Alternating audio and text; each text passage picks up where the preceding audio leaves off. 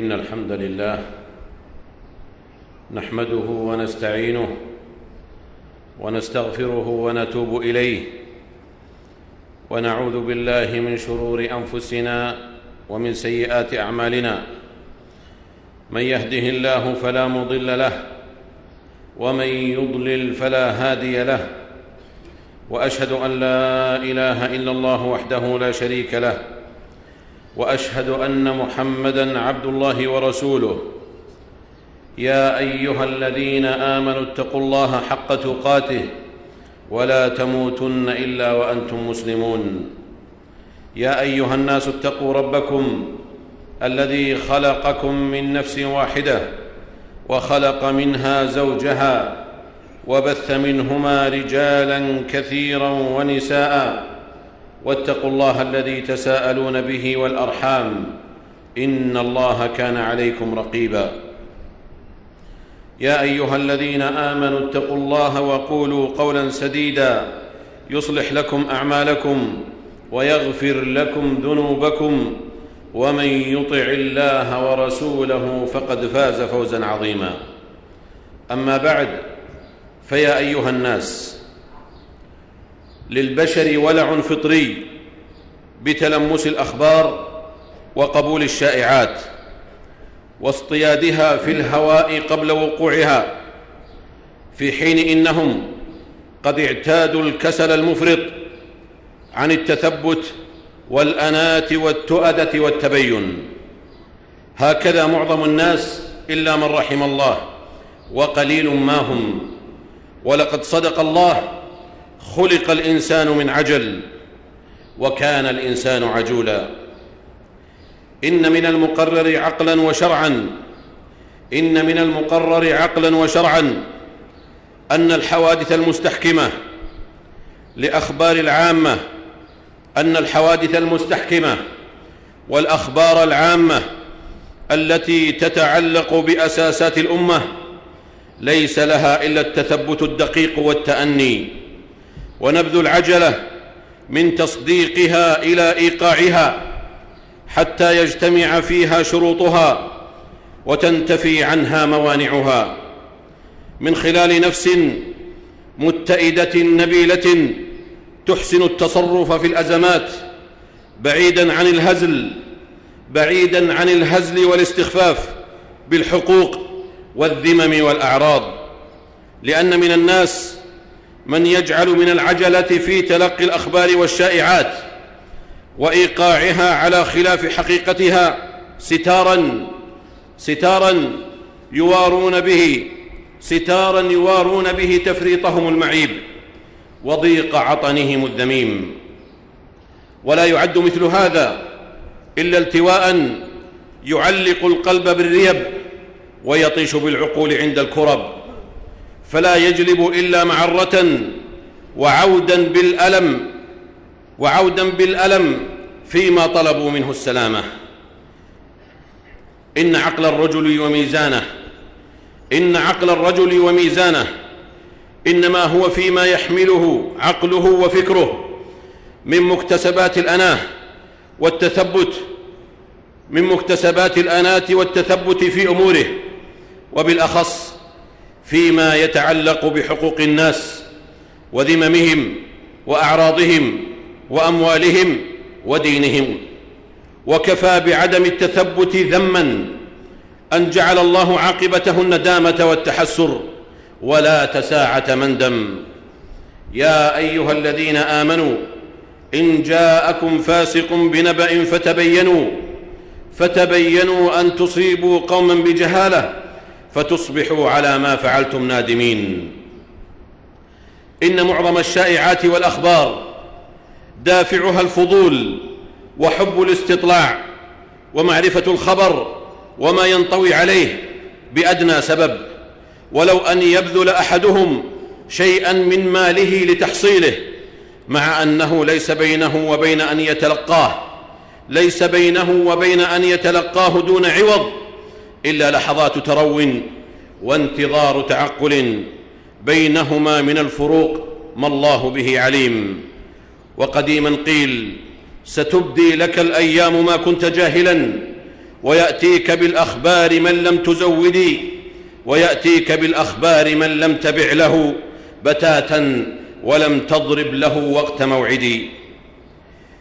إنه ليس كل تلقي الشائعات وتداول الأخبار كيفما اتفق يكون منطلقه الفضول فلربما كان منطلقه الرئيس هو التشويش وإثارة البلبلة لتحقيق مآرب فكرية أو سياسية أو اجتماعية أو اقتصادية أو دينية. من أجل خلخلة المحكم وفرط منظوم ليتفرق الصف وتنزع الثقة ولو من باب أن يقول الناس كيف وقد قيل؟ إن المجتمع الجاد لا يعطي فسحة لفضول الحديث الإعلامي الذي يفرق ولا يجمع ويضر ولا ينفع ويهدر طاقات وجهودا للبناء والنماء. حين يشغله تناقل الأخبار حين يشغله تناقل الأخبار وترويج الشائعات إذ هذه سمات المجتمع البليد. الذي يقطع أوقات فراغه بما يزيدها فراغا ويضاعف هوتها لأن المجتمع إذا شغل نفسه وعمر وقته بقيل وقال فلن يشيد معرفة ولن يستطيع حمل الأثقال في المصاعب. ففي الحديث أن النبي صلى الله عليه وسلم قال إن الله كره لكم ثلاثا. قيل وقال وإضاعة المال وكثرة السؤال. رواه البخاري. فانظروا يا رعاكم الله. فانظروا يا رعاكم الله. كيف جمع الله بين كيف جمع في الحديث بين قيل وقال وكثرة السؤال وإضاعة المال. وكأن في هذا إشارة إلى أن إضاعة المال سبب للإفلاس. وكثرة السؤال سبب للوقوع في العنت. فكذلك إضاعة الوقت. بقيل وقال سبب لإفلاس الأوقات. دون عمارتها دون عمارتها بما يفيد. فتملأ أجواء الفكر تشويشا وتهويشا. ورحم الله ابن الجوزي حيث قال شاهدت خلقا كثيرا لا يعرفون معنى الحياة. فمنهم من يقطع الزمان بكثرة الحوادث من السلاطين. والغلاء والرخص إلى غير ذلك. فعلمت أن الله تعالى لم يطلع على شرف العمر ومعرفة قدر أوقات العافية إلا من وفقه الله وألهمه اغتنام ذلك. وما يلقاها إلا الذين صبروا وما يلقاها إلا ذو حظ عظيم. عباد الله لقد علمنا ربنا جل شأنه التؤدة والأناه. وعدم أخذ الأخبار كيفما اتفق دون تمحيص ولا تثبت لما يحدثه ذلكم من تشويش وحكم بالظن الكاذب وقلب للحقائق ورجم بالغيب على أقوام براء وتقويلهم ما لم يقولوه وتقويلهم ما لم يقولوه أصلا أو حمل مقالهم على ما لم يريدوه أصلا. فقد سمع الفاروق رضي الله تعالى عنه أن النبي صلى الله عليه وسلم طلق نساءه فجاءه من منزله حتى حتى دخل المسجد. فوجد الناس يقولون ذلك فلم يصبر حتى استأذن على النبي صلى الله عليه وسلم فاستفهمه أطلقت نساءك؟ فقال لا. فقام عمر على باب المسجد فنادى بأعلى صوته لم يطلق رسول الله صلى الله عليه وسلم نساءه فنزلت هذه الآية وإذا جاءهم أمر من الأمن أو الخوف أذاعوا به ولو ردوه إلى الرسول وإلى أولي الأمر منهم لعلمه الذين يستنبطونه منهم. لقد علمنا ربنا جل شأنه وعلمنا رسولنا صلى الله عليه وسلم الا تكون آذاننا كالأقماع ألا تكون آذاننا كالأقماع. نتلقى من خلالها أي خبر دون تثبت وأن نرسله جزافا بلا, بلا زمام ولا خطاب وأن نرسله جزافا بلا زمام ولا خطام.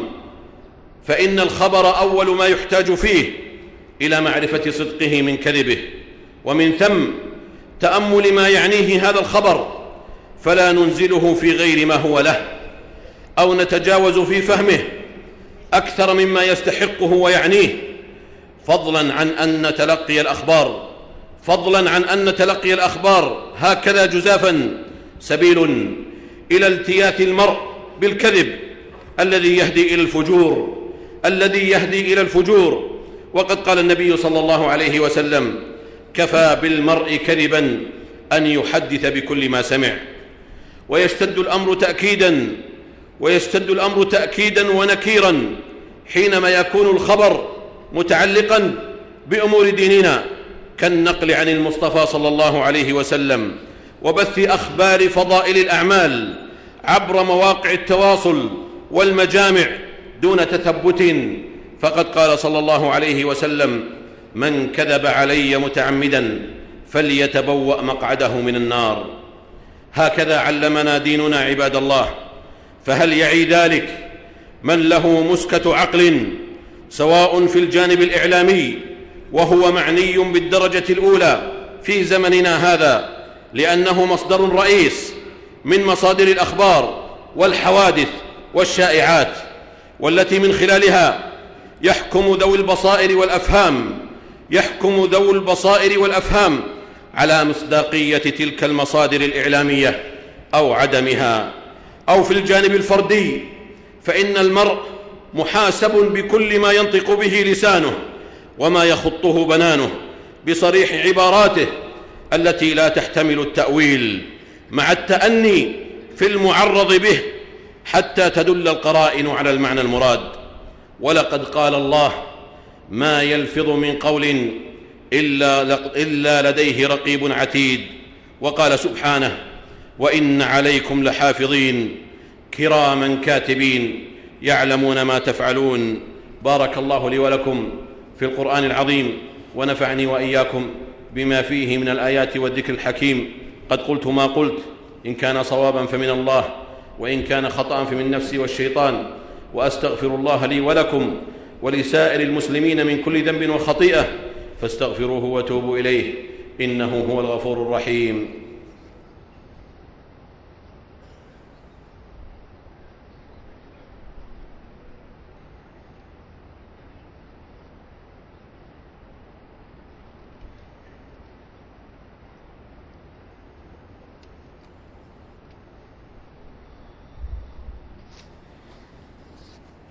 الحمد لله على إحسانه والشكر له على توفيقه وامتنانه.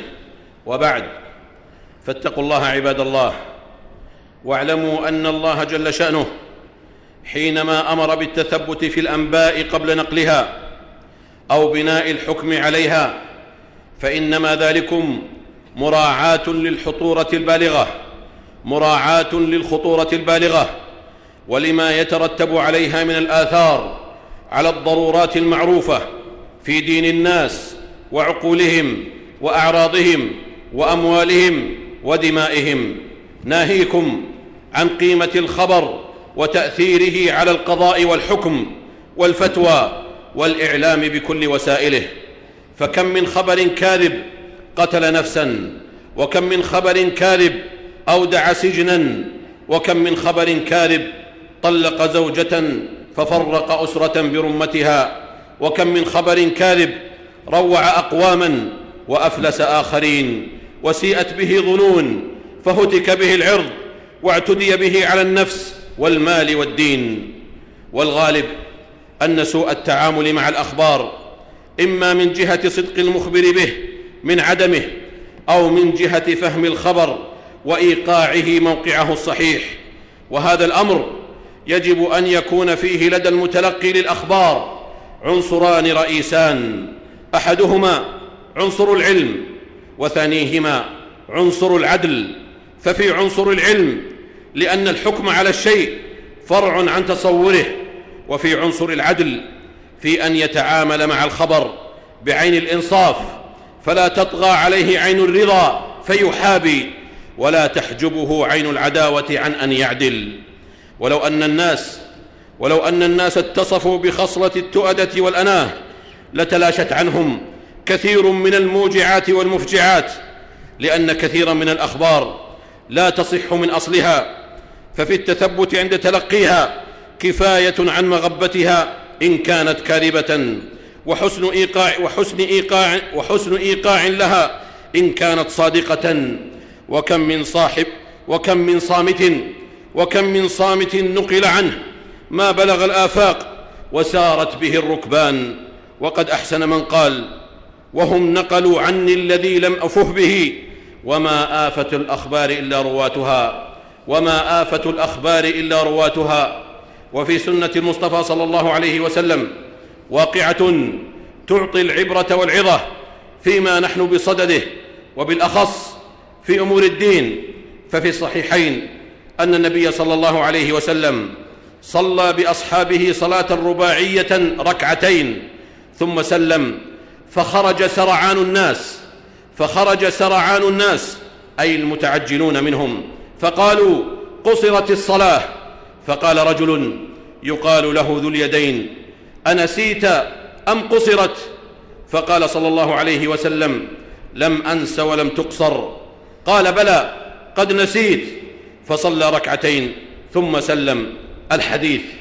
فانظروا يا رعاكم الله إلى أثر العجلة في نقل الخبر إذ قد يؤدي إلى تغيير في أحكام الدين. وانظروا كذلك إلى أثر, إلى أثر التثبت كيف حول الفهم والظن من كون الصلاة قد قصرت إلى كون ذلك سهوا وليس تشريعا جديدا. ألا فاتقوا الله عباد الله وصلوا وسلموا. على من أمركم الله بالصلاة عليه. فقد قال جل وعلا يا أيها الذين آمنوا صلوا عليه وسلموا تسليما.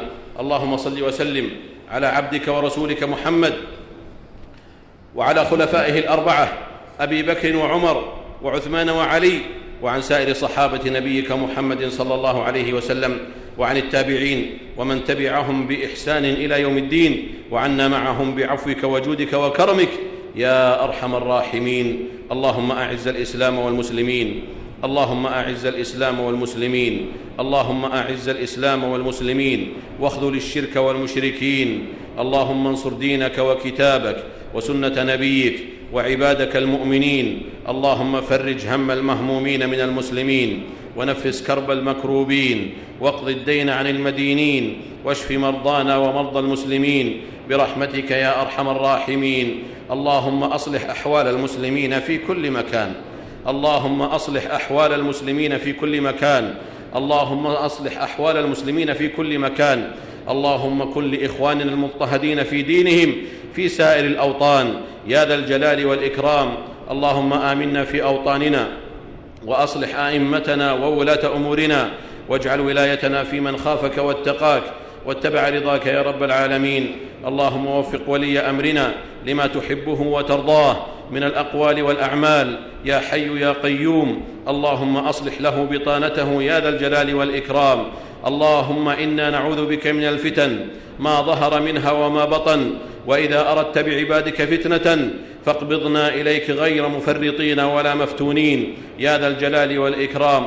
اللهم آت نفوسنا تقواها وزكها أنت خير من زكاها أنت وليها ومولاها. ربنا آتنا في الدنيا حسنة وفي الآخرة حسنة وقنا عذاب النار. سبحان ربنا رب العزة عما يصفون وسلام على المرسلين وآخر دعوانا أن الحمد لله رب العالمين.